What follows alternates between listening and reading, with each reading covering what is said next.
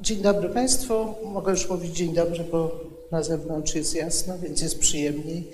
Już jest wiosna i po raz kolejny witamy w kawiarni naukowej y, Festiwalu Nauki. Ja nazywam się Zuzanna Teplic, jestem dyrektorką Festiwalu Nauki, ale kawiarnia jest nie tylko moja, kawiarnia jest pani profesor Magdaleny Fikus i y, pani Katarzyny, redaktor Katarzyny Głowackiej, TOK FM. Oni są też naszymi sponsorami w pewnym sensie TOK FM, mówi o nas i stara się nas wspierać, ale przede wszystkim chciałam po raz kolejny podziękować za to, że możemy się spotykać w takim fantastycznym miejscu, które samo w sobie nadaje zdecydowanie lepszy, lepszą atmosferę każdego takiego spotkania. E, dzisiaj się spotykamy z panem profesorem Stanisławem Obirkiem, zgodnie z naszym stałym powiedzeniem w kawiarni naukowej, a przynajmniej wśród osób trzech, które organizują tak zwanych matek założycieli. E, rok bez profesora Obirka to jest rok stracony, więc co roku w kwietniu zapraszamy profesora Obirka, a co więcej pan profesor jest na tyle życzliwy, że zawsze zgadza się mówić o czymś, o co go prosimy i choć miał troszkę inne pomysły, to prosiliśmy, prosiłyśmy o to, żeby jednak porozmawiał z nami na temat cerkiew, wojna na Ukrainie, władza, władza ziemska, władza, nie wiem czy boska, to pan profesor powie, czy władza boska. E, zaraz oddam głos. Zasada jest taka sama jak zwykle, to znaczy 40 minut pan profesor będzie mówił, około 40 minut. Nie będziemy przerywać, potem będą pytania od Państwa. Rozumiem, że tylko od Państwa, bo tym razem trudno będzie czytać, co pisze internet, ale Pan profesor sobie potem przeczyta, co na czacie ludzie piszą. E, jeszcze teraz, zanim wszyscy się nie rozejdziemy na zakończenie, czy też nie podejdziemy do profesora, jak znam życie, żeby go dopytać jeszcze o tysiące różnych spraw, to chciałam powiedzieć, że już mamy, jak Państwo pewnie wiedzą, zaplanowane kawiarnie do końca roku akademickiego. W przyszłym y, miesiącu, w maju, będziemy rozmawiać o Konstytucji. Jeszcze nie wymyśliliśmy tytułu, ale to pewnie będzie takie tajemnice Konstytucji 3 maja, albo jak było naprawdę, bo to Teraz są chwytliwe tematy, ale na pewno będzie w Konstytucji 3 maja pani doktor Anna Rosler, najwybitniejsza chyba w Polsce specjalistka w tej dziedzinie, a w czerwcu specjalnie zapraszam, bo będzie o życiu miłosnym ptaków, żeby nas dobrze nastawić na, na wakacje e, o ptakach, które są monogamiczne i które kochają się całe życie. Ale to dopiero w czerwcu, a teraz już oddaję głos panu profesorowi. Y, wszystko się zgadza. Dzień dobry Państwu. Ja y, czekam zawsze na ten jeden dzień w roku, bo y, kawiarnia naukowa to jest taka forma hybrydowa. To znaczy ma w tytule i kawiarnię, i naukę. Ja to lubię taką kombinację. To znaczy, że nie jest to takie koturnowe, E, przesadzone, no ale jednocześnie ten, to dopełnienie, ta przydawka naukowa też zobowiązuje. Mm, mam wrażenie, że tak od 24 lutego wszyscy staliśmy się nagle ekspertami od Ukrainy, od Rosji, od prawosławia. Mm, I z dużym zainteresowaniem czytam y, i prasę, i polską, i zagraniczną, i i komentarze, i książki. I to, co chciałbym dzisiaj Państwu zaproponować, to taka, taki namysł nad tym, czy to, co my wiemy, jest rzeczywiście e, odpowiada jakby złożoności tej rzeczywistości na Ukrainie i zwłaszcza od tego dramatycznego mm, e, napadu Putina na, na Ukrainę. No każdy z nas, ja już to nie pierwszy raz, że będę o tym mówił i w jednym ze spotkań z yy, grupą taką mniej więcej jak nasza Uniwersytetu Trzeciego Wieku yy, spotkałem się z bardzo żywymi reakcjami ludzi, którzy pamiętali powstanie warszawskie. I to mnie uderzyło, że w momencie, kiedy mówi się o Ukrainie, mm, ludzie albo z własnego doświadczenia, albo z przekazów rodzinnych uruchamiają pewne e, ważne dla nich, e, istotne mm, przeżycia. Ja pochodzę e, z kiedyś to była Polska centralna, dzisiaj do granicy mam 8 kilometrów właśnie ukraińskiej. Wspomnienie mojej rodziny to jest wspomnienie wojny polsko-ukraińskiej. Tam Niemcy przeszli i poszli, natomiast przez 5-6 lat to był konflikt, bratobójcza walka między Polakami i Ukraińcami na tamtym terenie.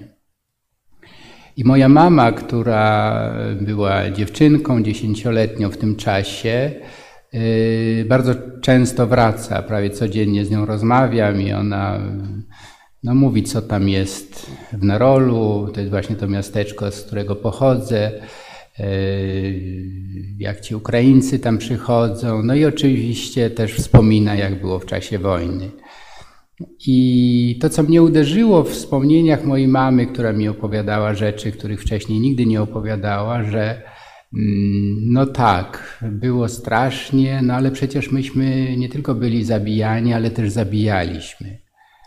I to jest pewien y, klucz, sądzę, y, mądrości życiowej tej 87-letniej dzisiaj kobiety, który pozwala tak z dystansem trochę popatrzeć i na aktorów, i na ofiary, i na mm, agresorów, i też na obserwatorów, bardziej aktywnych, mniej aktywnych, bardziej angażujących się i mniej. Więc y, to, co chciałbym dzisiaj zaproponować, to taki, wspólny namysł. Liczę też na Państwa pytania, oczywiście również y, pytania naszych e, widzów online, bo wydaje mi się, że to, czego nam brakuje trochę, to właśnie takiego.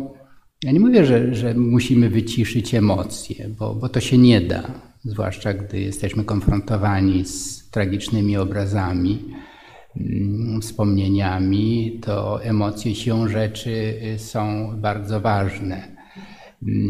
Niemniej jednak, tak jak w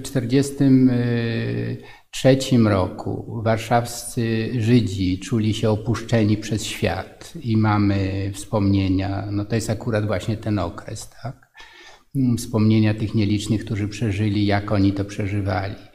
Rok później, w sierpniu, warszawiacy, właśnie uczestnicy powstania i ci, którzy byli w tym powstaniu mordowani, też czuli, że, że świat o, o nich zapomniał.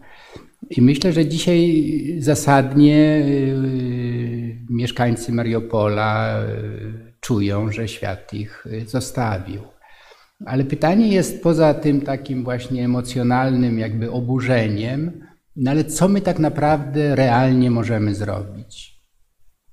Może tak jak napisała niedawno w Gazecie Wyborczej pani profesor E, płatek, no robię to, na czym się najlepiej znam. To jest moja odpowiedź na, na, na obecną sytuację. E, no i chyba to jest dobra odpowiedź właśnie uczestnika tej wojny, która jest za naszymi drzwiami. Jeszcze nas szczęśliwie nie dotknęła no ale trzeba robić to, na czym się znamy, żeby, żeby ta wojna nie stała się faktycznie wojną, wojną światową. Tę moją refleksję podzieliłem na trzy części. Tak jak w ogłoszeniu podaliśmy, tytuł Wojna Putina i Cyryla, czyli nowe oblicze krucjaty. Każde z tych słów jest ważne, łącznie z krucjatą. Mm, ale zacznę od takiego krótkiego nakreślenia pejzażu religijnego Ukrainy. Potem y, mm, powiem o retorycznej sprawności różnych y, przedstawicieli religijnych, y, no i tradycyjnym pustosłowiu. Mówię to z pewnym bólem serca, bo niektórzy uczestnicy tego, tej retorycznej przepychanki są mi emocjonalnie bliscy. No i trzecia y, część, oligarcha straszy paradami, y, to będzie trochę nawiązanie do tego, mm, o czym pani doktor Teplic mówiła, czyli do y, poprzedniego tytułu, który miał być naszym, naszym tytułem na ten kwiecień. czyli problem LGBT i Kościoła katolickiego. Mam nadzieję, że do tego tematu wrócimy, ale on dość nieoczekiwanie wrócił również w tym konflikcie, w tej napaści, agresji Rosji na, na Ukrainę. To będzie jakby trzecia część zamykająca. No i mam nadzieję rzeczywiście, że do za 15 czy za 10 siódma ja swoje skończę i potem przejdziemy do, do rozmowy. Żeby to było sprawnie i składnie, to będę trochę się posiłkował notatkami, które przygotowałem. Więc przechodzę do punktu pierwszego, czyli pejzaż religijny Ukrainy. Według danych Pew Research Center, to jest taka najbardziej autorytatywna dzisiaj przez wszystkich uznawana pracownia badań społecznych w Stanach Zjednoczonych, niezwiązana z żadnym jakimś ani partią, ani, ani ideologią, w miarę obiektywna. Więc to, co oni podają, to zdaje się jest wiarygodne. W każdym razie, według danych sprzed kilku lat, mamy taki mniej więcej podział religijny na Ukrainie. Przypominam, kraj ilościowo podobny do Polski 35 milionów, przestrzeń dwukrotnie wyższa, szersza. Więc 83% Ukraińców deklaruje się jako chrześcijanie. Wśród nich dominują wyznawcy prawosławia, to jest 76%. Ci z kolei dzielą się na należących do patriarchatu moskiewskiego oraz wyznawców niezależnego ukraińskiego kościoła prawosławnego, uznanego za taki dość niedawno, w styczniu 2019 roku, przez patriarchę Konstantynopola Bartłomieja I. Cyryl nie uznał tej autokefalii ukraińskiej i to traktuje jako schizmę. Patriarchą metropolii kijowskiej jest Epifaniusz. Poza tym na Ukrainie bezwyznaniowi stanowią 14, prawie 15%, a katolicy dzielący się na łacinników i grekokatolików stanowią 5,6%. Nie można pominąć też protestantów, którzy stanowią 1,3%. To głównie zielonoświątkowcy i baptyści. Wyznaniową mozaikę na Ukrainie uzupełniają muzułmanie, których jest 1,2%. Niewielka liczba wyznawców innych religii, około 0,4%, oraz Żydzi stanowiący 0,1%. By zrozumieć, skąd tak wielkie zróżnicowanie religijne u naszego wschodniego sąsiada, tu mogę tylko zachęcić zainteresowanych do lektury książek, które dla mnie były bardzo ważne, takie przewodniki naprawdę bardzo solidne. I to są autorzy ukraińscy, ale szczęśliwie ich książki mamy po polsku. Od najwcześniejszych dziejów do trzeciego rozbioru Polski, czyli historia Ukrainy do 1795 roku, to jest książka historyczki z Kijowa Natalii Jakowenko.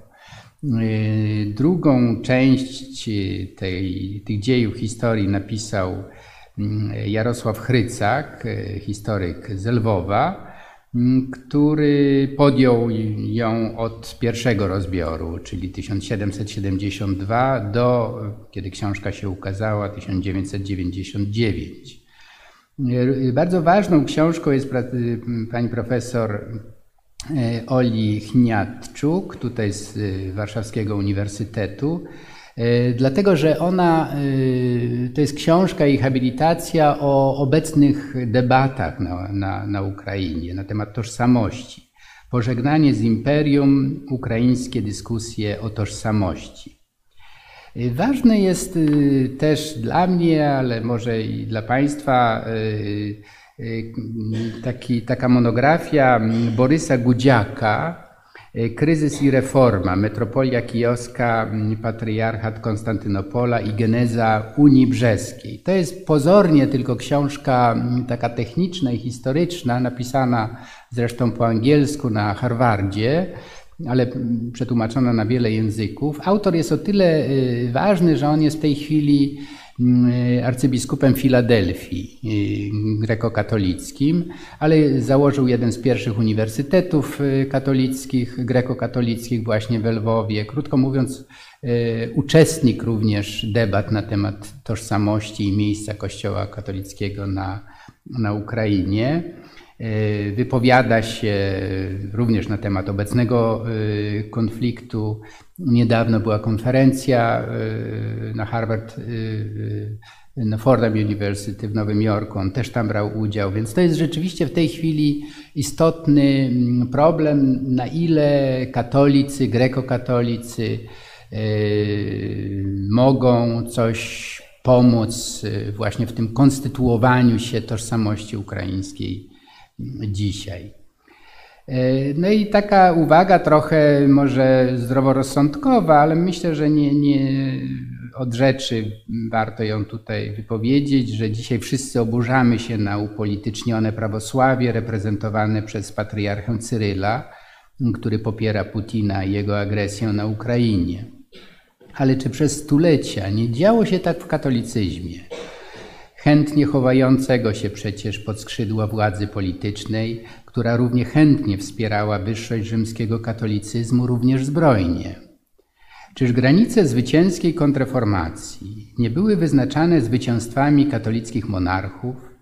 Przecież w całej Europie od 1648 roku zasada cuius regio eius religio, czyli właśnie takich Putinów y, z XVII i XVIII wieku, którzy uważali się takimi właśnie apostołami, tym, tym zbrojnym ramieniem religii, czy, czy ta właśnie zasada, kto rządzi, ten decyduje, jaka religia ma panować, była rozwiązaniem powszechnie przyjętym w Europie, również w Rzeczpospolitej obojga narodów której wpływy na Ukrainie znalazły wnikliwego historyka w osobie Daniela Beauvoir, a jego książka Trójkąt Ukraiński, Szlachta, Carat i Lud na Wołyniu, Polska i Kijowszczyzna w 1793-1914 powinna być lekturą obowiązkową dla każdego, kto chce zrozumieć dramat dzisiejszej Ukrainy. To tyle, jeśli chodzi o, o, o pierwszą część. Retoryczna sprawność, tradycyjne pustosłowie. Po wybuchu wojny 24 lutego e, nie bez powodu najgłośniej e, mówiono o reakcji Cyryla, patriarchy rosyjskiego Kościoła Prawosławnego. Mniej głośne natomiast są wystąpienia metropolity, o którym wspomniałem, Epifaniusza czy hierarchów obu obrządków Kościoła katolickiego. Wydaje się, że to właśnie niezależny ukraiński Kościół prawosławny będzie głównym zwycięzcą w toczącej się wojnie. Przede wszystkim dlatego, że opowiedział się jednoznacznie za niezależnością od Rosji. Poza tym historia jego powstania łączy się nierozerwalnie z najnowszymi dziejami Ukrainy. I to on postrzegany jest jako wyraziciel aspiracji autonomicznych narodu ukraińskiego. Niewykluczone, że ugra swoje również Kościół rzymskokatolicki, który wspiera prezydenta Wolodymira Zełenskiego.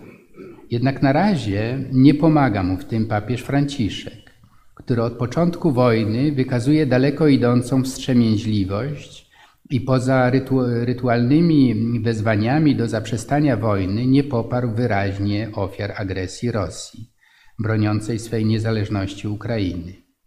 Można to tłumaczyć jego osobistą znajomością z patriarchą Cyrylem.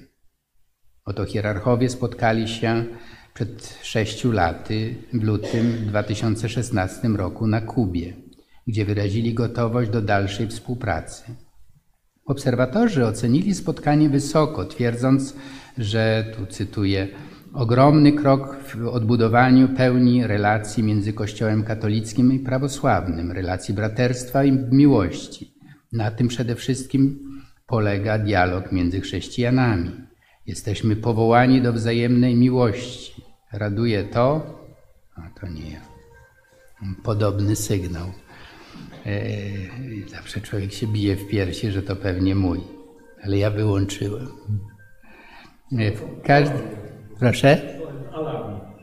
Alarm to trzeba na alarm odpowiadać.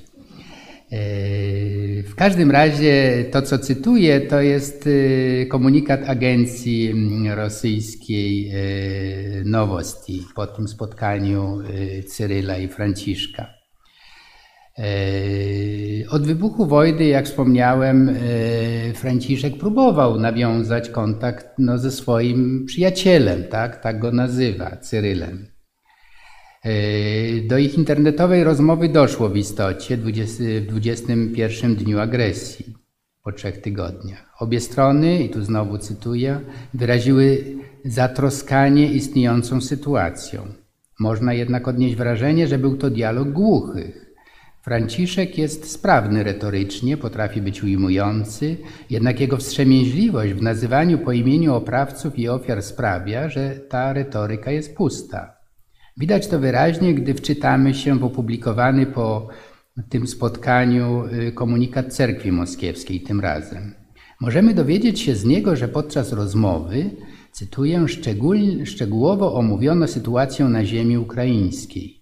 Zwrócono też uwagę na humanitarne aspekty obecnego kryzysu oraz na działania rosyjskiego Kościoła prawosławnego i Kościoła rzymskokatolickiego w celu przezwyciężenia jego skutków. Można więc odnieść wrażenie, że Kościół rzymskokatolicki w pełni podziela zatroskanie cerkwi moskiewskiej, czyli że jest za zaprzestaniem działań militarnych w domyśle na warunkach Putina. Oczywiście można w tym widzieć gest dobrej woli, ale tak naprawdę jest to przykład retorycznej pustki. W argentyńskim dzienniku La Nación kilka dni temu, 22 kwietnia, ukazała się rozmowa z Franciszkiem, w której z pewnym żalem mówi o tym, że dyplomacja watykańska odwołała planowane na czerwiec spotkanie z Cyrylem w Jerozolimie. Jednocześnie twierdzi, że według dwóch kardynałów zaangażowanych w dyplomatyczne wysiłki zakończenia wojny można się spodziewać już na początku maja. Yy, chciałbym być bardzo życzliwy wobec Franciszka, ale jest mi to bardzo trudne. Yy, z trudem mi to przychodzi. Yy, mam wrażenie, że po prostu jego informatorzy albo informacje, jakie do niego docierają, są niepełne.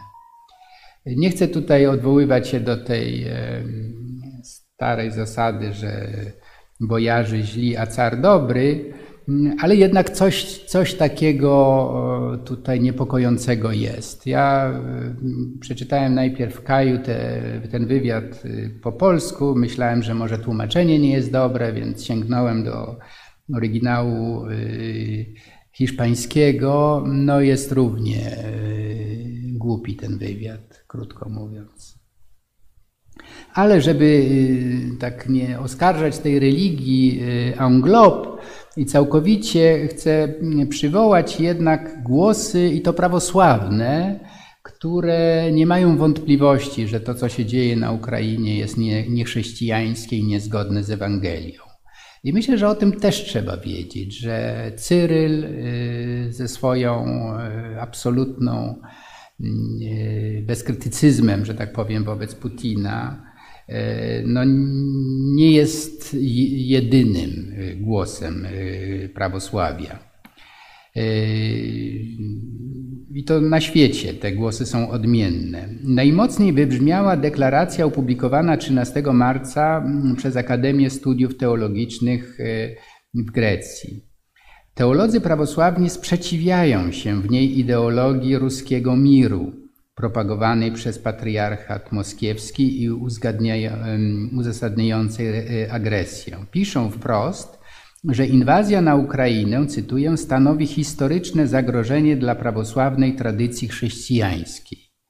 Jeszcze bardziej teologów e, niepokoi fakt, że moskiewscy hierarchowie w ogóle nie uznają, że trwa agresja formułując niejasne i wieloznaczne deklaracje na temat potrzeby pokoju w świecie wydarzeń i akcji wojskowych.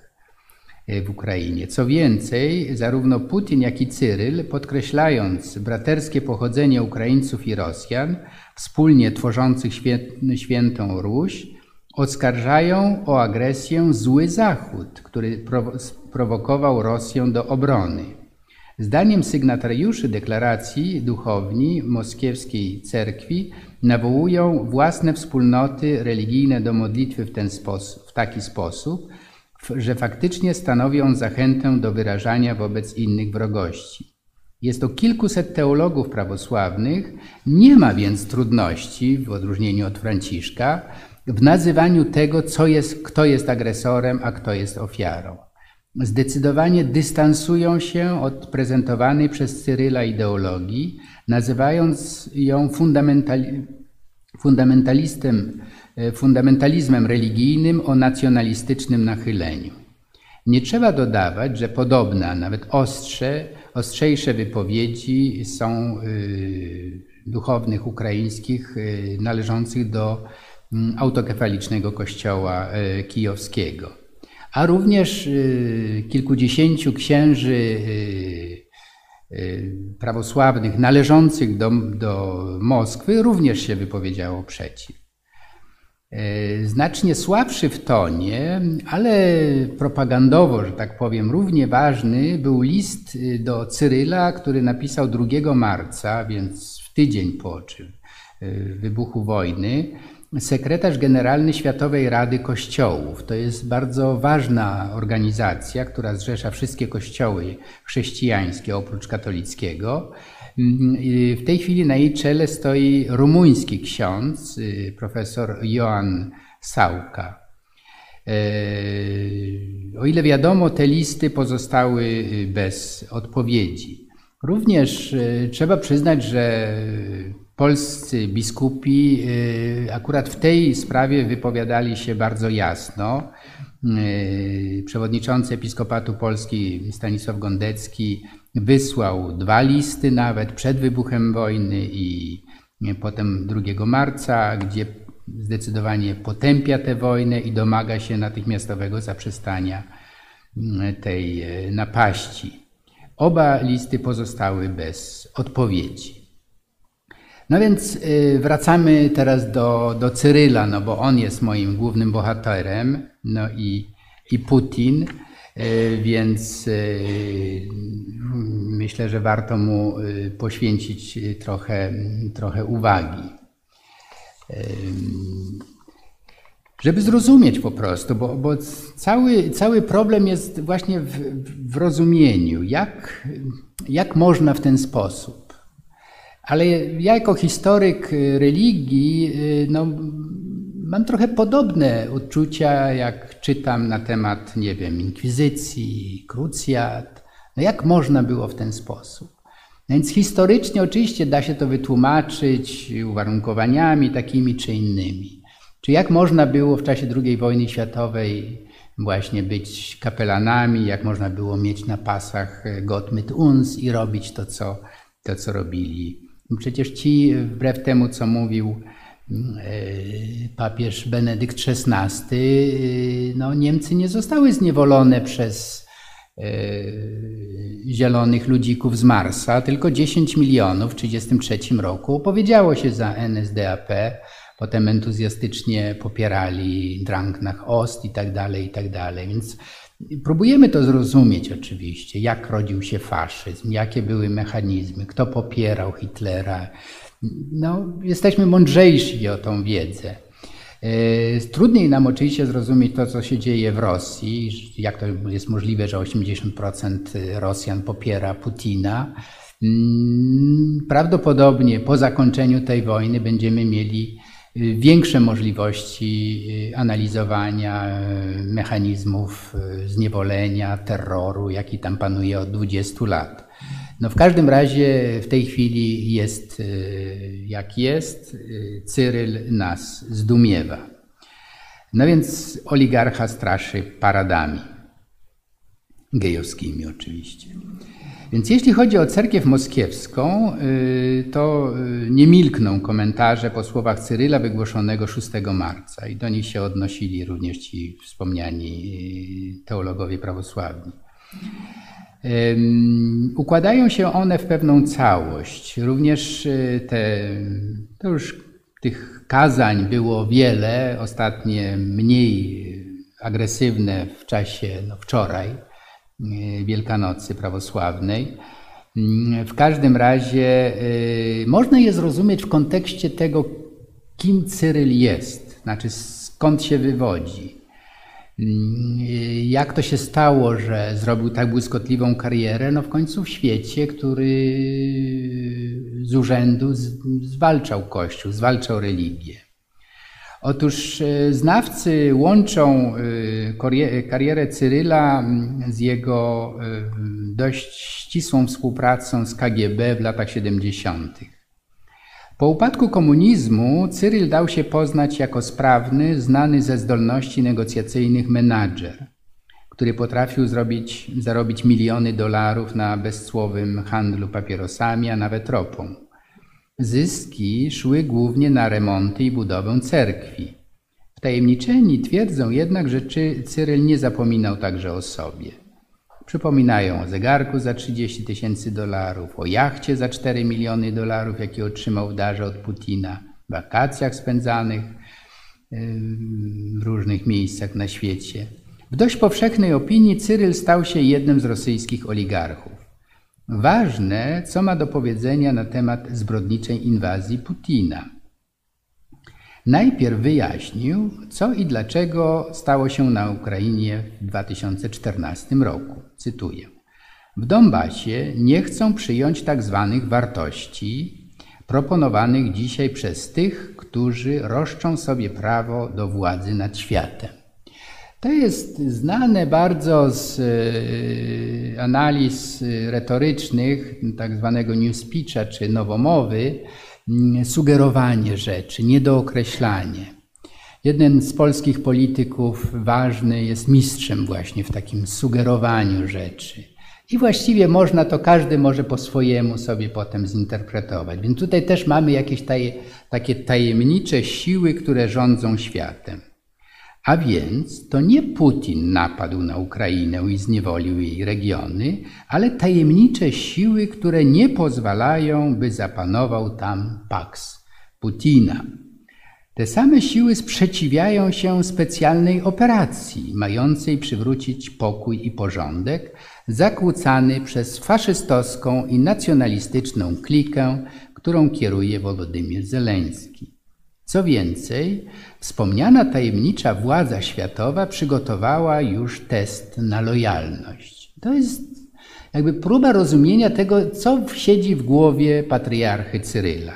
On naprawdę tak myśli, że y, takie złowrogie, złowieszcze siły chcą zniewolić tą biedną Ukrainę, która sama nie wie właściwie czego, y, co jej zagraża. No więc ten test na lojalność. W przekonaniu Cyryla ten test jest, cytuję, bardzo prosty, a zarazem przerażający. To parada gejowska. To właśnie wysuwane od wielu lat, wielu ludzi żądanie zgody na przeprowadzenie takiej parady jest testem na lojalność wobec tego najpotężniejszego świata.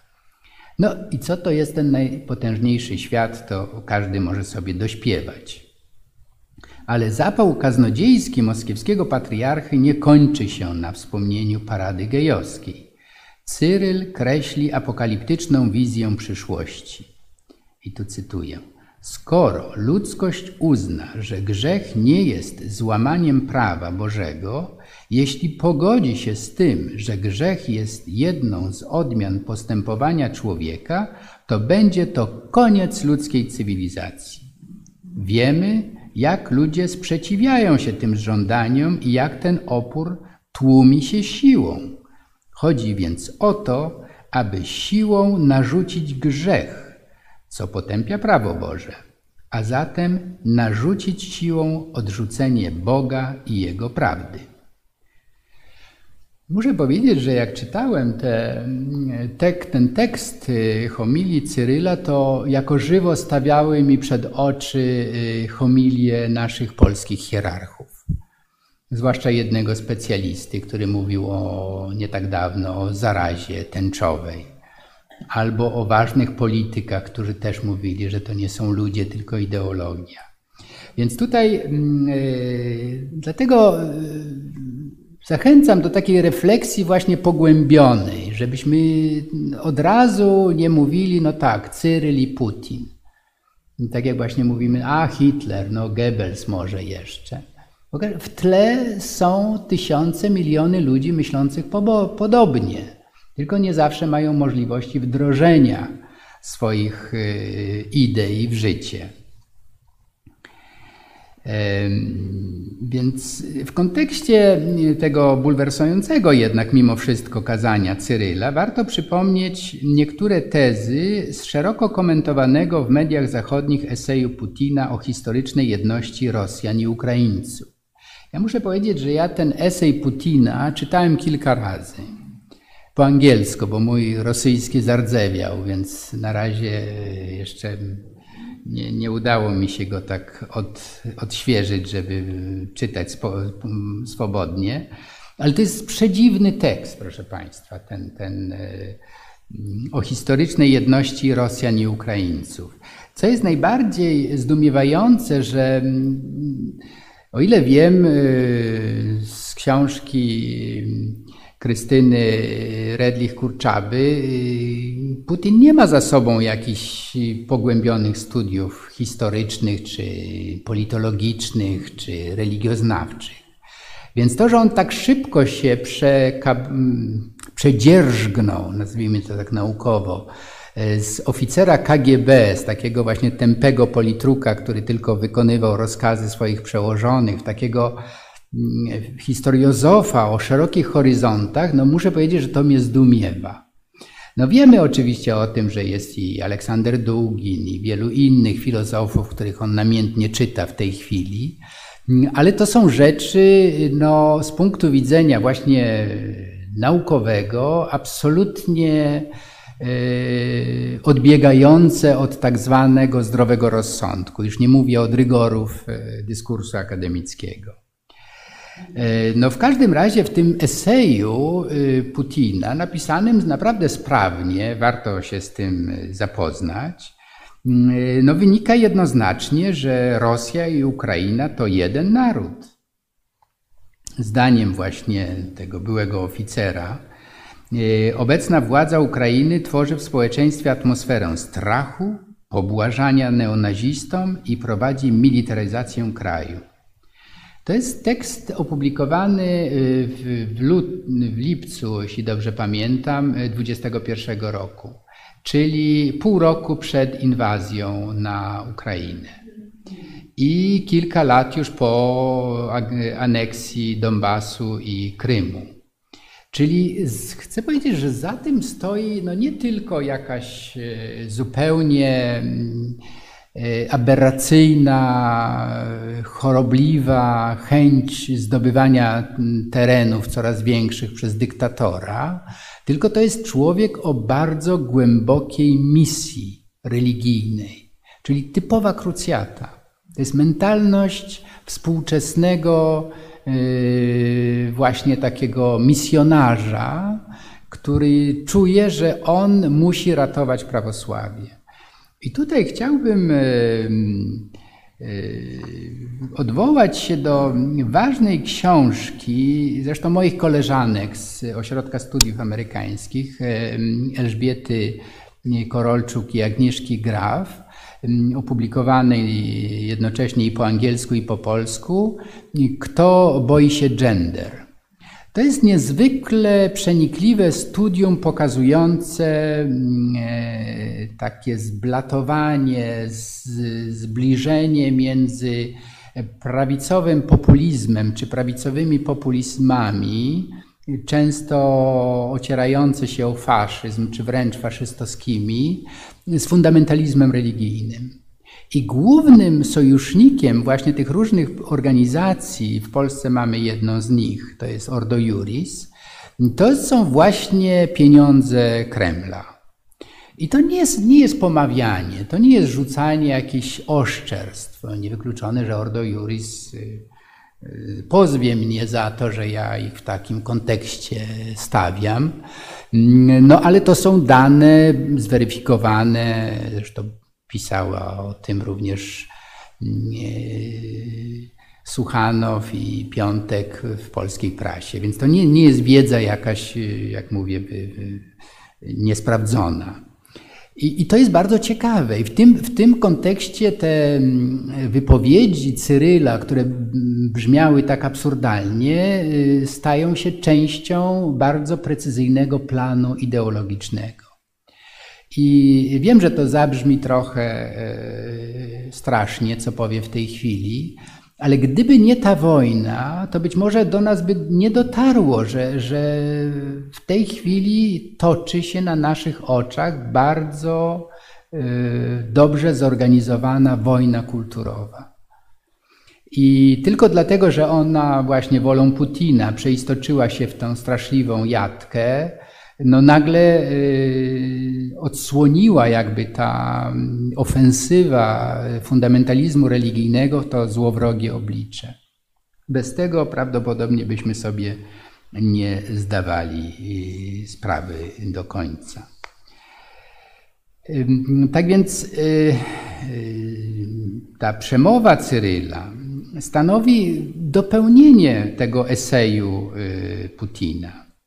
Zarówno w ideologii prezentowanej przez obecnego prezydenta Rosji, jak i przez przywódcę moskiewskiego prawosławia mamy do czynienia z absolutyzacją wyobrażonej rosyjskiej mm, etniczności. I to jest właśnie coś, co znowu wydaje się, no, zwariował Putin, zwariował y, Cyryl. Ale proszę sobie przypomnieć, e, no niektórzy z Państwa pamiętają, prawda, albo w każdym razie znamy to z przekazów historycznych, co się działo w okresie międzywojennym w Polsce. Jak e, polski katolicyzm został utożsamiony z polskością, jak wielką przysługę w tym e, wyrządził Roman Dmowski ze swoją ideologią właśnie supremacji y, mocnej, y, mocniejszego narodu nad słabszymi. Jakie to miało konsekwencje w, w polityce sanacji wobec mniejszości narodowych, zwłaszcza wobec największej, czyli żydowskiej.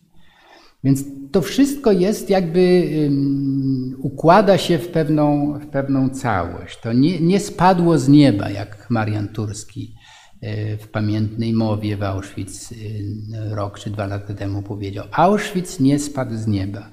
Putin i Cyryl, proszę Państwa, nie spadli z nieba.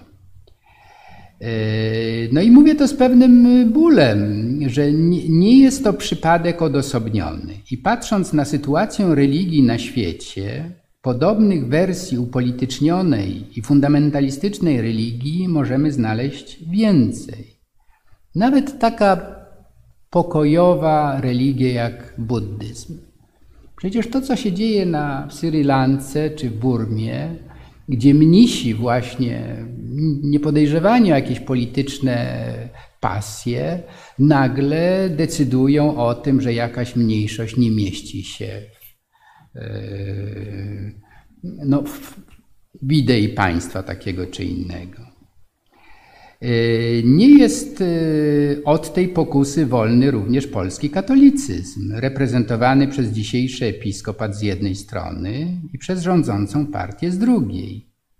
Krótko mówiąc, w wielu częściach świata religia zbliża się do prawicowych populizmów, e, co nam właśnie przypomniały Agnieszka Graf i Elżbieta Korolczuk. Tak się dzieje przecież działo się tak w Niemczech, we Włoszech w latach 30., w Hiszpanii, na Węgrzech, w Słowacji, mm, Polsce czy Japonii.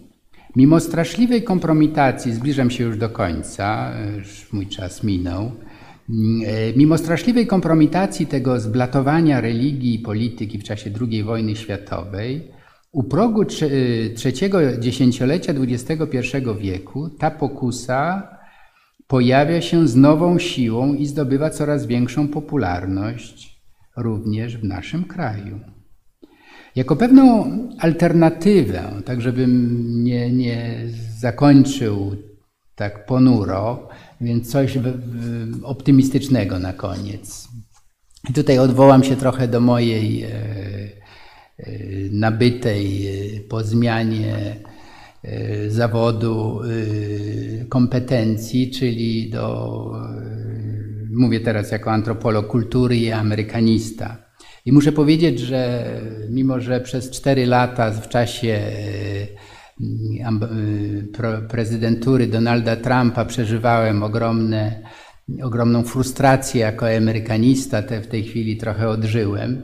Y, ale w każdym razie właśnie u myślicieli amerykańskich znajduję trochę pociechy i nie tylko myślę o polskim katolicyzmie czy o prawosławiu tak bardzo upolitycznionych, ale myślę o pewnych jak, takich alternatywach, które znajdują wielkie uznanie na przykład u moich studentów. Jeśli z nimi rozmawiam na ten temat, to widzę, że dla nich te propozycje amerykańskie są atrakcyjne.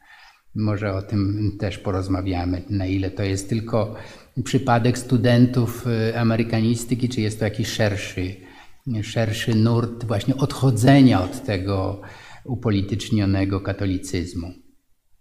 W każdym razie, jako pewną alternatywę dla prawicowego populizmu i zbliżonego do niego fundamentalizmu religijnego, odwołującego się do etniczności, jako niezbędnego toż elementu tożsamości narodowej, chciałbym przywołać intuicję amerykańskiego historyka Davida Hollingera. To jest protestant, który jest w tej chwili emerytowanym profesorem z z Berkeley. Napisał bardzo dużo książek na temat protestantyzmu, ale jedno, jego najważniejsza książka to jest poświęcona post, przynajmniej w moim odczuciu, czy na użytek naszej dzisiejszej rozmowy, to jest postetniczna Ameryka, Post-Ethnic America Beyond Multiculturalism. E, więc co ten Hollinger proponuje? I to jest może trochę E, przesmaczone, zbyt takie subtelne. Ale jeśli się dobrze wsłuchać, to we mnie to rezonuje bardzo mocno. Otóż jego zdaniem każdy powinien mieć indywidualne prawo określenia, do jakiej wspólnoty należy i jak długo tę przynależność chce utrzymać. To jest oczywiście bezpośrednio skierowane przeciwko temu uroszczeniu Putina, który uważa, że Ukraińcy e, są zagubieni i on im powie, kim oni są. Tak? Czyli ja uważam, że ja mam prawo i obowiązek wręcz, jestem jakby pchany tym przeżyciem religijnym, żeby innym uświadomić, kim oni. Otóż nie. Każdy, nie tylko narody, ale każdy człowiek indywidualnie powinien mieć prawo do wyboru, czy chce do danej wspólnoty należeć, czy nie. Dotyczy to również wspólnot etnicznych, których istnienie jest w Stanach Zjednoczonych coraz poważniej kwestionowane. Z jakich powodów to nie będę wchodził w tej chwili. W każdym razie Kluczowa jest zasada normatywna, która zakłada afiliację przez możliwą do odwołania zgodę na przynależność. Inaczej mówiąc, jestem Polakiem, bo się urodziłem w Polsce, bo się wychowałem, ale mieszkam powiedzmy od 20 lat w Nowej Zelandii i chcę być Nowozelandczykiem. Mam żonę z Nowej Zelandii i czuję się Nowozelandczykiem. I nikt mi nie może zabronić możliwości przyjęcia nowej tożsamości etnicznej.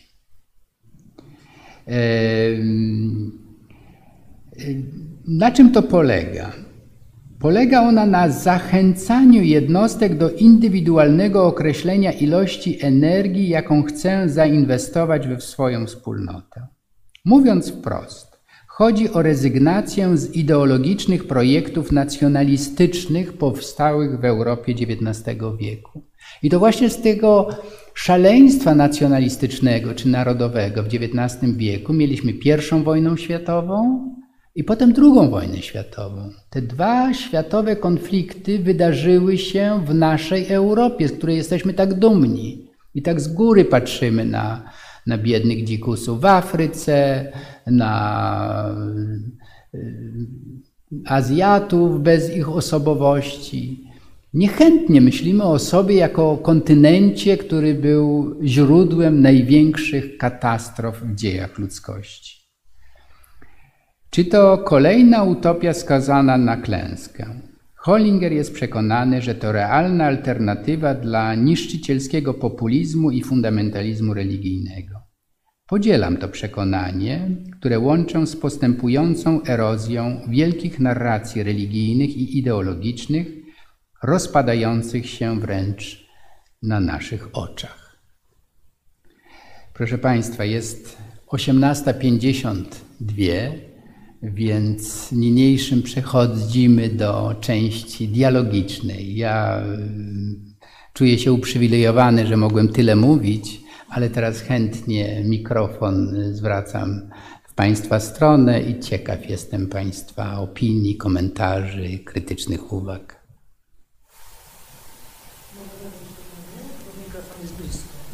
Proszę bardzo. Chciałam zapytać co mnie fascynuje, co mnie fascynuje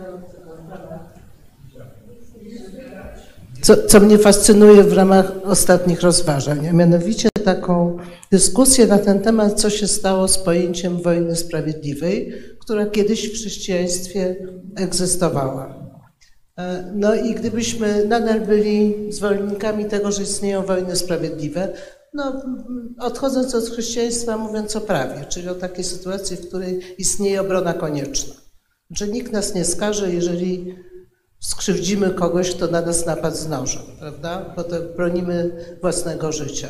Ale gdzieś to zniknęło i zostało zastąpione ideą pacyfizmu niezależnie od tego, co się dzieje. No, dzisiaj słyszałam wypowiedź jednego z y, wybitnych przedstawicieli niemieckiego protestantyzmu, który powiedział, że dawanie broni Ukrainie to jest rozniecanie wojny, podczas kiedy powinniśmy dążyć do, do tego, żeby ta wojna się skończyła. No, w namyśle jest, jak nie będzie broni, to jak ona się skończy, prawda? Jak, jak, jaka będzie sytuacja. Ale co się stało i y, skąd się wzięła ta, taka wolta, która jednak się pojawiła chyba w ciągu ostatnich 30-40 lat, ale teraz wybrzmiała ze względu na tą wojnę? No to jest bardzo trudne pytanie i myślę, że mm, trzeba uwzględnić cały szereg różnych y, y, no kontekst jest taki, że w przeświadczeniu, no bo mówimy o, o Kościele katolickim, tak, że dla Kościoła katolickiego, zwłaszcza w ostatnich tekstach y, papieża Franciszka, ale też i u Jana Pawła II te elementy się pojawiały. Przypominam jego e, nawoływania e, skierowane nie imiennie, ale jednak jednoznacznie do prezydenta Busha, żeby jednak nie wysyłał wojsk do Iraku. Mm, no i teraz Franciszek jakby dokładnie, ja to nazywam pustą retoryką. E, to znaczy ja z jednej strony rozumiem, że wojna zawsze jest złem i nigdy nie można jej usprawiedliwić. Natomiast pojęcie wojny sprawiedliwej czy prawa do godziwej obrony uważam, że wymaga nowego przemyślenia. W wypadku tak jednoznacznym, nawet jeśli są poważni politolodzy amerykańscy, którzy mają inne teorie, taki John e, Mersheimer, który e, ku mojemu ogromnemu zdumieniu głosi, e, jakby wykłada ten obecny konflikt na mm, Ukrainie, wojnę na Ukrainie jako winę NATO, winę Stanów Zjednoczonych. I wykłady, książki, w których on to popularyzuje, jeden z jego wykładów, którego zresztą wysłuchałem razem z moimi studentami, żaden z nich, żadna z nich nie podzielała jego poglądów, osiąga 14 czy 25 milionów słuchaczy y, z entuzjastycznymi komentarzami. Znaczy, ja co chcę przez to powiedzieć? Że są ludzie, dla których y, to, co dla nas dzisiaj w Polsce jest oczywiste, Myślę tutaj o dramatycznych takich tekstach Jarosława Mikołajewskiego w Gazecie Wyborczej. Y, no nie dla wszystkich to jest oczywiste. Są ludzie, dla których y, ten konflikt jest y, wynikiem nagromadzonych właśnie jakichś traum, urazów, które stąd to papieża Franciszka wszyscy jesteśmy winni. Znowu taki slogan, który oburza ludzi. Więc ja mówię, jako antropolog y, mam do tego taki stosunek, że staram się tę kakofonię głosów usłyszeć i zrozumieć, dlaczego ona istnieje. Dlaczego nas, no proszę sobie przypomnieć, dlaczego nas jako społeczeństwo polskie nie przejmowała fala uchodźców z Syrii, z Czeczenii? To jest zagadkowe, prawda? Że no trochę na tej zasadzie, że no, ząb sąsiada zawsze mniej boli niż, niż mój ząb, tak? Ale to wytłumaczyć to, dlaczego polski rząd z poparciem społeczeństwa e, jeszcze rok, dwa lata temu, no teraz buduje za miliony, miliardy e, mur, chroniąc przed jednak chyba wyimaginowanymi zagrożeniami, i to znajduje poparcie społeczeństwa, parlamentu, mm, a to jest absurdalne. I ten absurd jakby nie, my go nie widzimy. Natomiast widzimy absurd y, Mersheimera, Franciszka i tak dalej. Więc znaczy, odpowiadając na Pani pytanie, bym powiedział tak. Ja osobiście jestem zawsze z ofiarą, uważam, że to jest jedyne kryterium wyborów etycznych, jakie powinniśmy podejmować, jakie ja podejmuję. Natomiast budzi moją wątpliwość y, jednoznaczność określania y, właśnie, kto jest ofiarą, a kto nie. I nie myślę oczywiście o biednych y, rosyjskich żołnierzach, którzy giną na Ukrainie, tylko myślę o ofiarach wojny w Syrii. Dlaczego ona, e, dlaczego problem właśnie gdzieś tam w Azji, w Sri Lance czy w Burmie nas w ogóle nie dotyka? A tam Franciszek pojechał i tam był, ujął się za tymi muzułmanami, których buddyści wy, wy, wyrzucali. Więc nie wiem. Po prostu ja myślę, że, że, że można, i to nie jest jakaś kapitulacja rozumu, tylko że y, powiedzenie w pewnym momencie, że nie wiem, że zmagam się z tym, nie do końca rozumiem, jest też jakąś, jaką, jakimś sposobem uczestniczenia w dramacie ludzkości dzisiaj. Mm, więc ja jestem za wojną sprawiedliwą mimo wszystko. No ale ja nie jestem katolikiem, więc mnie nie bardzo obowiązuje to, co papież mówi, tak? Więc y, mój zdrowy rozsądek mi podpowiada, że tam, gdzie się dzieje krzywda, zawsze powinien stanąć po stronie krzywdzonego. I nie ma żadnych, y, na przykład tutaj, y, dlatego mówiłem o tym wywiadzie z La Nation, Franciszka sprzed kilku dni, nie potrafię zrozumieć, jak może on mówić, wiedząc już o Cyrylu to, co my wiemy, to nie jest wiedza tajemna, jako mój przyjaciel, z którym, czy bracie w Chrystusie, z którym chcę się spotkać i rozmawiać, i szkoda, że dyplomacja watykańska uznała, że może byłoby to niefortunne. Więc tego ja nie, nie podzielam, nie rozumiem. To mnie bulwersuje, to mnie, to mnie gorszy. Natomiast yy,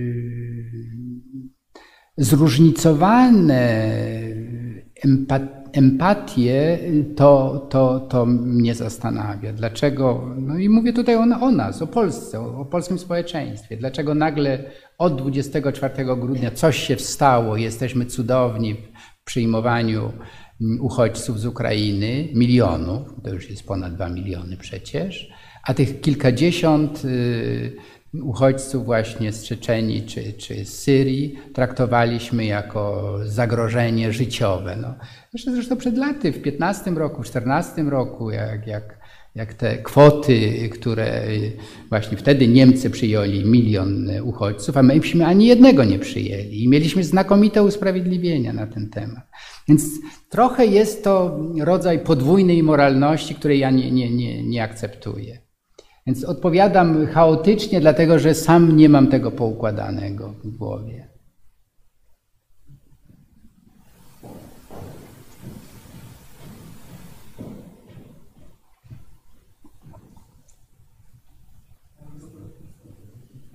Profesorze,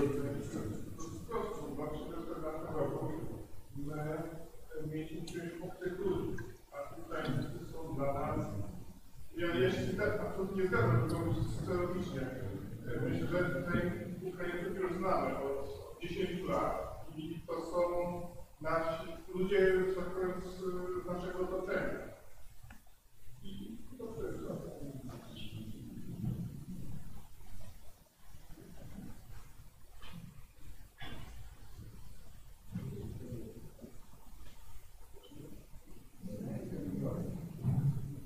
Teraz, tak? Jeśli chodzi o to, co papież Franciszek, yy, no chciałem powiedzieć, wyczynia, może w tym kontekście ze słowu, w jego wypowiedzi, i to rzeczywiście one są, powiedzmy, na granicy skandalu moralnego, tu się zgadzam. I poza tym jednak chyba nie trzeba się specjalnie przejmować, nawet jak się jest katolikiem, ponieważ oficjalne nauczanie w kwestii wojny sprawiedliwej, warunków moralnych, dopuszczalności takiej wojny chyba nie zostało odwołane, bo w katechizmie stoi napisane to, co, to, co tam jest napisane. Tak? I nie każda opinia e, papieża aktualnego ma moc wyroku prawda, rozstrzygającego w kwestiach moralno-teologicznych. Więc to tyle w tej sprawie. Natomiast y, co do Putina, to ja może tu Państwo niektórych zszokuję, ale ja go rozumiem geopolitycznie. To znaczy rzeczywiście NATO go okrąża od 30 lat. To jest znaczy, tylko, że problem polega nie. Z jego punktu widzenia ja go rozumiem. To jest łajdak, zbój, jakich mało, no i tak dalej, to wiadomo. To z punktu widzenia moralnego sprawa jest oczywista do kwadratu, ale z jego, znaczy jak ja bym był na jego miejscu, też bym się czuł zaniepokojony, bo na to go ewidentnie oskarża. Tylko problem jest gdzie indziej, w latach 90. Jak było okno geopolityczne ośmioletnie, czy nawet dziewięcioletnie, gdzie był e, półwydolny Jelcyn, prawda, trzeba było wtedy zintegrować Rosję z Zachodem naprawdę, a tego nie zrobiono. Między innymi Międzynarodowy Fundusz Walutowy tutaj dał dupy, powiem wprost po prostu. Nic nie zrobili. No. no wtedy, wtedy był ten moment, a dzisiaj rzeczywiście przyszedł Putin w 2000 roku i zagospodarował te smuty i od 22 lat buduje autorytarne, właściwie już quasi-totalitarne państwo. Więc czego się tu, z punktu widzenia geopolitycznego tutaj żadnej zagadki nie ma. Błędy zostały popełnione w latach 90. Natomiast co do e, pańskiego zdziwienia, znaczy tutaj tu bym się jednak nie zgodził, że jest zasadnicza różnica pomiędzy uchodźcami, nachodźcami, którzy są e, e, via Białoruś z, cały, z Bliskiego Wschodu, a nawet z Bangladeszu i z centralnej Afryki, dostarczani samolotami do, do Białorusi i przerzucani przez naszą granicę, to jest jednak zupełnie co innego niż ludzie, którzy realnie uciekają spod bomb, tak, na, na Ukrainie. Tutaj się z panem nie zgodzę. Znaczy tamci też często uciekają spod bomb, to prawda. Tylko, że y, no, jest jednak różnica, w moment, znaczy oczywiście jest problem, jak się bronić przed łajdakiem typu Łukaszenko, który pospołu z drugim łajdakiem Putinem strzela do nas ludźmi, mówiąc tak obrazowo, tak? Zgoda.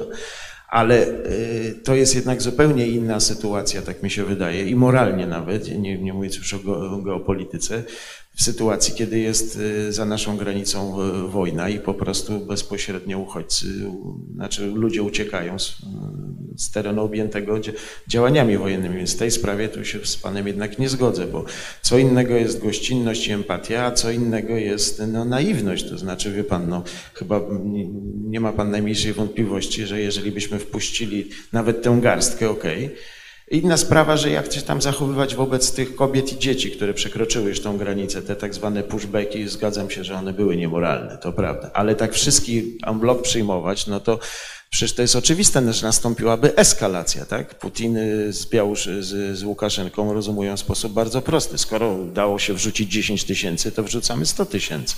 Temu nie byłoby końca, więc tutaj się z panem zupełnie nie zgadzam.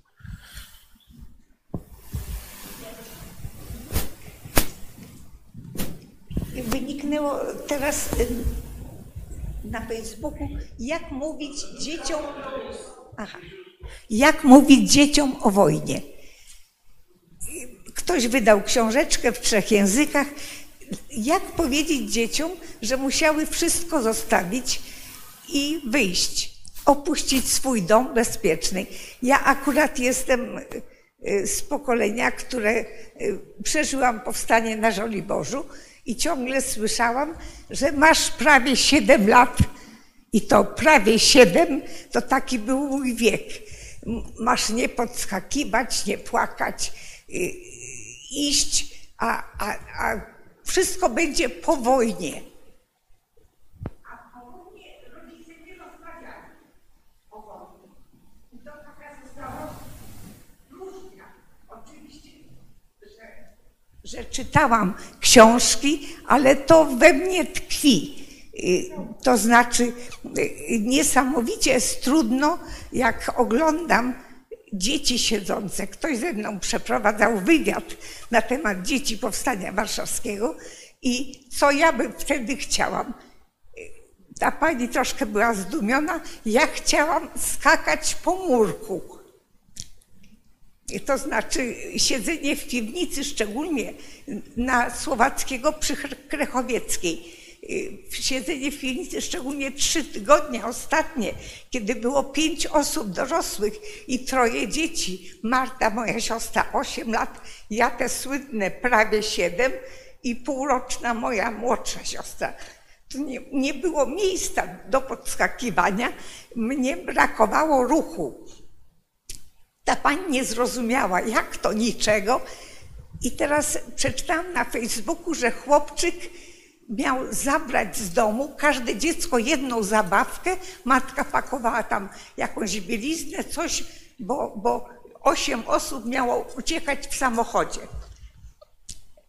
I ten chłopczyk zabrał ze sobą pistolet na wodę, żeby mieć jakąś broń, a w planie miał upatrzony rozbity czołg, że jak wróci, to sprzeda ten czołg i kupi sobie jakiegoś, jakiś tablet czy, czy aparat taki telefoniczny super ekstra.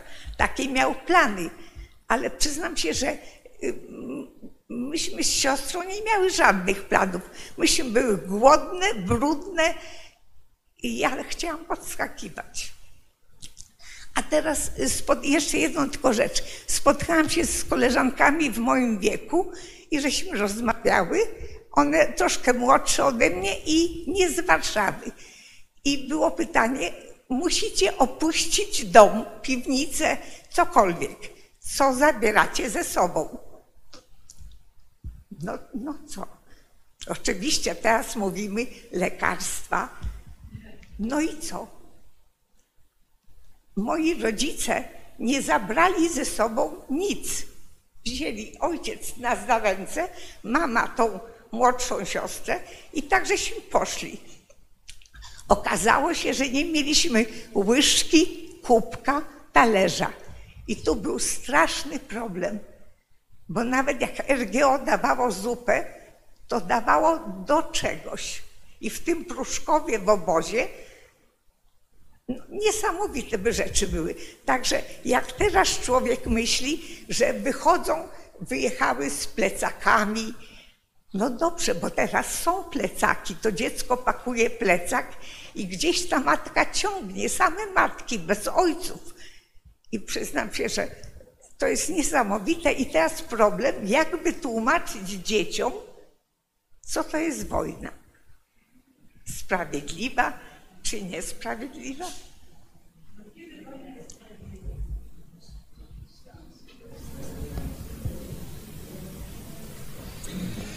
Y, proszę Państwa, ja się nie odnoszę do Państwa głosów, bo one nie są jakby pytaniami. Ja przyjmuję, że mm, y, macie odmienne zdanie i ja to szanuję, także nie. Mhm. Ja mam pytanie chyba łatwiejsze niż pierwsze, pani dyrektor. Mianowicie, jaki jest y, obecnie stosunek y, prawosławnego kościoła w Polsce do odbywającej się tam wojny? Bo ile mi wiadomo, to y, polski kościół prawosławny był zawsze zorientowany na Moskwę, a nie na Kijów, czyli na patriarchę Cyryla. I drugie pytanie wynikające absolutnie już z mojej być może podstawowej niewiedzy, to jest takie, czy patriarcha Cyryl jest dożywotnio głową kościoła prawosławnego na terenie Rosji? Czy też jest to funkcja obieralna? No, bo mamy jakąś szansę na zmianę, czy nie? Dziękuję.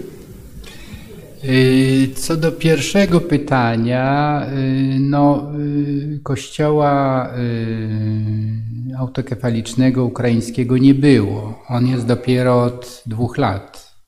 Więc siłą rzeczy polskie prawosławie było związane z patriarchą, patriarchatem moskiewskim.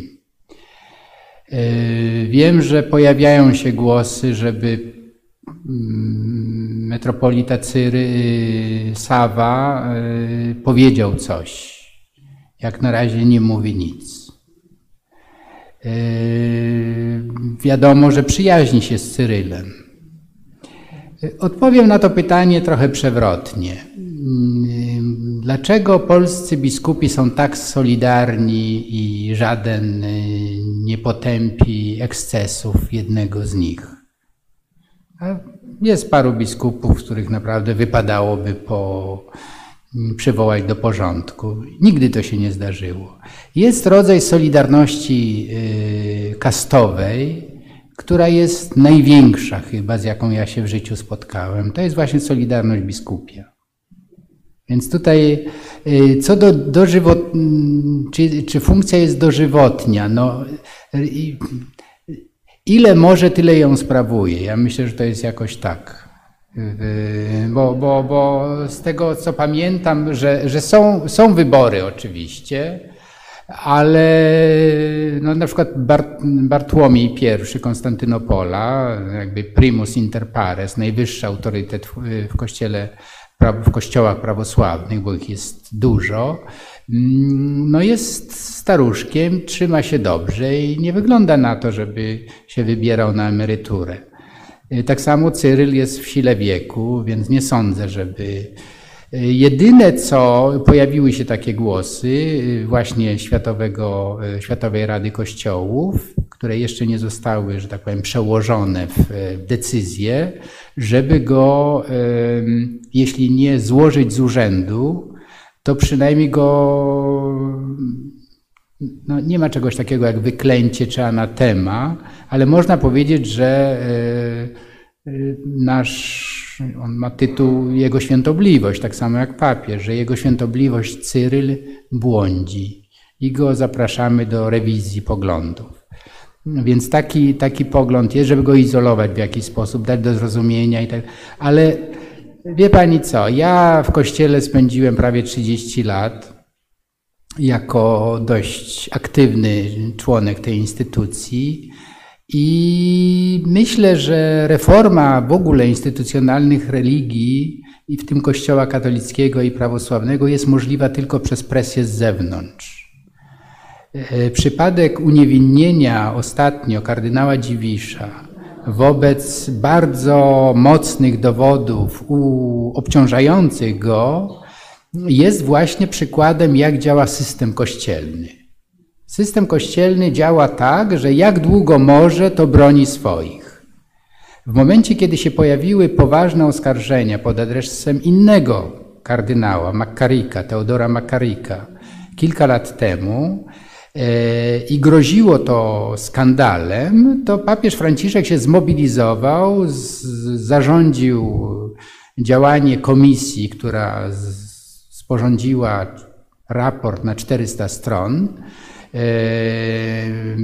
Kardynał Makarik przestał być kardynałem, przestał być księdzem I wtedy przestaje być, jak nasz prezydent Duda mówi, że Polak, który był szmalcownikiem, przestaje być Polakiem. I to jest właśnie taki też zabieg bardzo ciekawy, że w momencie, kiedy właśnie wina jest udowodniona, bo tam chodziło o skandale nie tylko e, spanie z seminarzystami, ale i nadużycia pedofilskie, no to wtedy no to jest były kardynał, były ksiądz, jest traktowany jako człowiek świecki. Czyli można, ale tylko dlatego, że była presja rządu, y, sądów amerykańskich. Y, o ile wiem, y, presja sądu polskiego jest żadna. I dopóki społeczeństwo, nie, jak w Chile, nie wyjdzie na ulicę, nie zacznie domagać się sprawiedliwości, no to papież wtedy dymisjonuje cały episkopat i mówi, no robimy czystki, tak? No, w Polsce polscy katolicy są bardzo zadowoleni ze swoich biskupów i nie ma potrzeby tutaj zmiany jakiejkolwiek.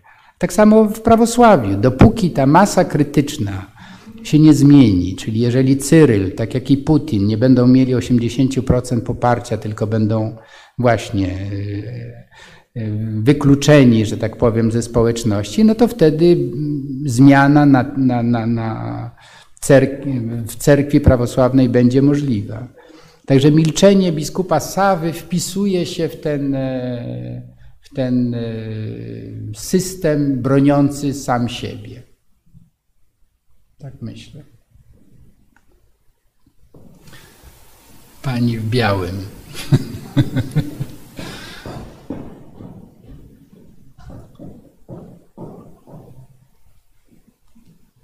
Jakoś tak mi się zabawnie skojarzyło pani z białym z tą panią w czerwonym. Tak. Panie profesorze, ja mam takie pytanie trochę nie do końca związane z wojną, ale chciałam wykorzystać pana doświadczenie teologiczne. Ja jestem osobą bezwyznaniową, z bardzo chłodnym stosunkiem do wszelkich religii, żadnej nie preferuję, ani w sensie nielubienia. I zadawałam to pytanie wielokrotnie wielu moim znajomym, takim zaangażowanym katolikom, i oni nie potrafili mi na to y, pytanie odpowiedzieć, więc może to jest jakaś kwestia rzeczywiście bardziej taka, y, no właśnie bardziej teologiczna, może to byli praktycy. Y, otóż ja nie mogę zrozumieć, y, jak religie instytucjonalnie, y, instytucjonalne, chrześcijańskie, zwłaszcza katolicka, które dużo mówią o wolnej woli człowieka, to znaczy może coś się zmieniło, ale tak z zasłyszenia wiem, że tak się mówi, jak one godzą tę wolną wolę z tym, że narzucają ludziom takim jak ja, bezwyznaniowym, bardzo dużo rzeczy ze swojej ideologii, która jest mi, no, no, obca, mówiąc krótko. Ja nie opieram swojego systemu moralnego, etycznego na kwestiach religijnych. To też jest według mnie możliwe. E, ale nie mogę, nie mogę tego zrozumieć. Jak można mówić o wolnej woli, a jednocześnie mówić, nie możesz być, nie wiem, LGBT, nie możesz dokonywać aborcji, albo nie możesz sobie wybrać etniczności, tak jak pan profesor powiedział, i ta koncepcja mi się szalenie podoba. Dziękuję. No, ja akurat na to pytanie pani odpowiem i chętnie. Yy, przymuszają, bo mogą. Yy, większość z nas pamięta Kościół w czasie PRL-u. Czy Kościół przymuszał do czegoś wtedy? Nie, bo nie mógł. Teraz przymusza, bo może. Yy, znowu przywołam moje amerykanistyczne doświadczenie. Tocqueville y, w demokracji amerykańskiej, y, katolik francuski, z niezwykłym y, ciepłem mówił o katolicyzmie amerykańskim. Że właśnie księża decydują razem z wiernymi, co robić, jak robić, a u nas we Francji to wszystko jest narzucane. Znowu, narzucali, bo mogli więc ja myślę, że i tutaj trochę na tej samej fali nadaję co pani, bo też się uważam za bez, bezwyznaniowego. Jesteśmy zresztą w dobrym towarzystwie Leszka Kołakowskiego, który jako chyba jedenastolatek y, na pytanie nauczycielki, Y, to Państwo znacie tę anegdotę. To jest urocza.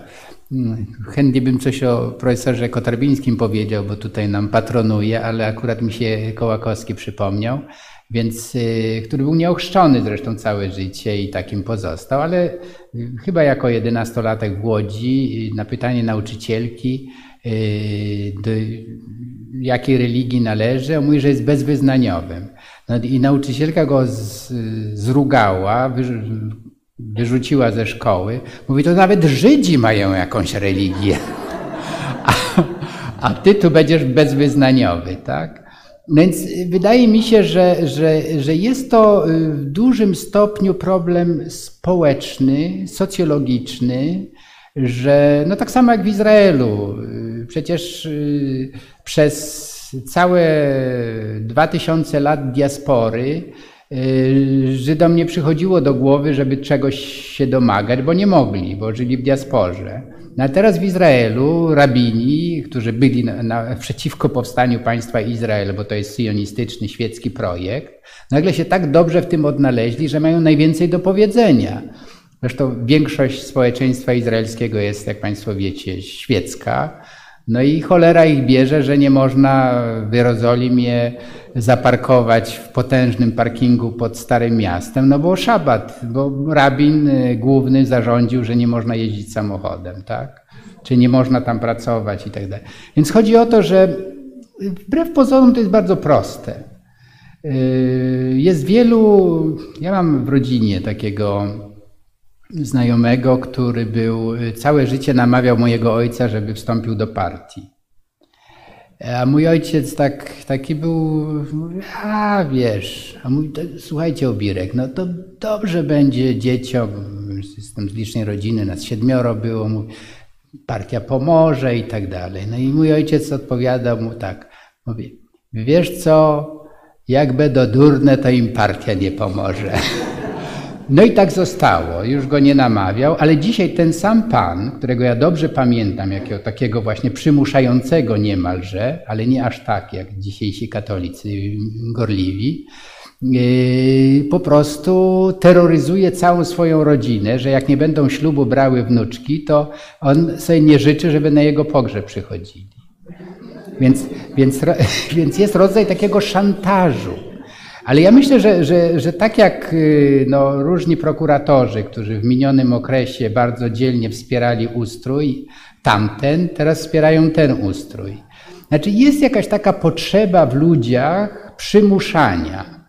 I jeżeli jest taka możliwość, no a teraz Kościół katolicki pod skrzydłami y, na miłościwie panującego rządu jakoś czuje się, że powinien prowadzić ludzi do zbawienia nie tylko perswazją, ale też przymusem. No więc mamy te inicjatywy legislacyjne, które są po prostu skandaliczne, jeśli chodzi o rozwiązania demokratyczne i myślę tutaj nie tylko o aborcji, ale o jakimś idiotycznym przypisie, o uczuciach religijnych i tak. No, mnie bardzo by, by, by ucieszyło, jeśli w ogóle jestem raczej anarchistą, ale na przykład takie prawo, że kto obraża zdrowy rozsądek, to powinien być skazany na trzy lata więzienia. I wtedy nasze więzienia byłyby przepełnione. Ja myślę, że to jest dobry moment, żeby kończyć chyba, nie?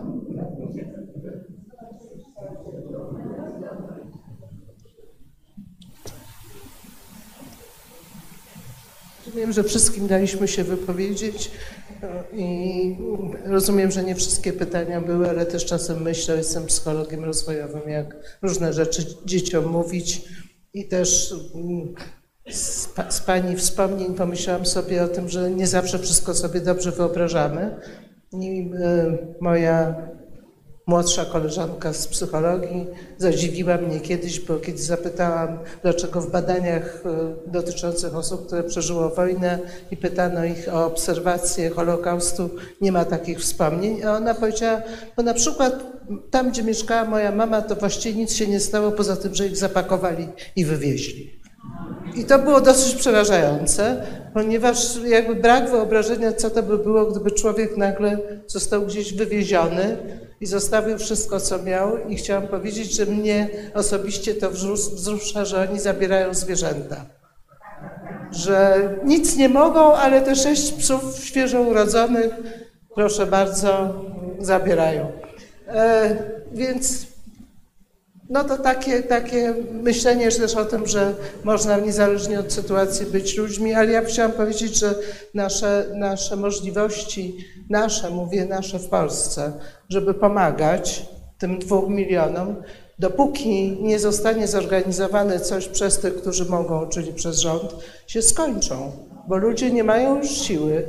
I, chyba powinniśmy właśnie zaapelować, żeby ktoś jednak się ruszył i żeby poza 50 chyba zło- złotymi za, przepraszam bardzo, za utrzymanie jednej osoby, no zrobić coś więcej, bo patrzę na moich studentów, którzy działają i widzę, że to długo już długo nie pociągną, a to nie skończy się w maju, tak jak planuje Putin, a być może też Franciszek.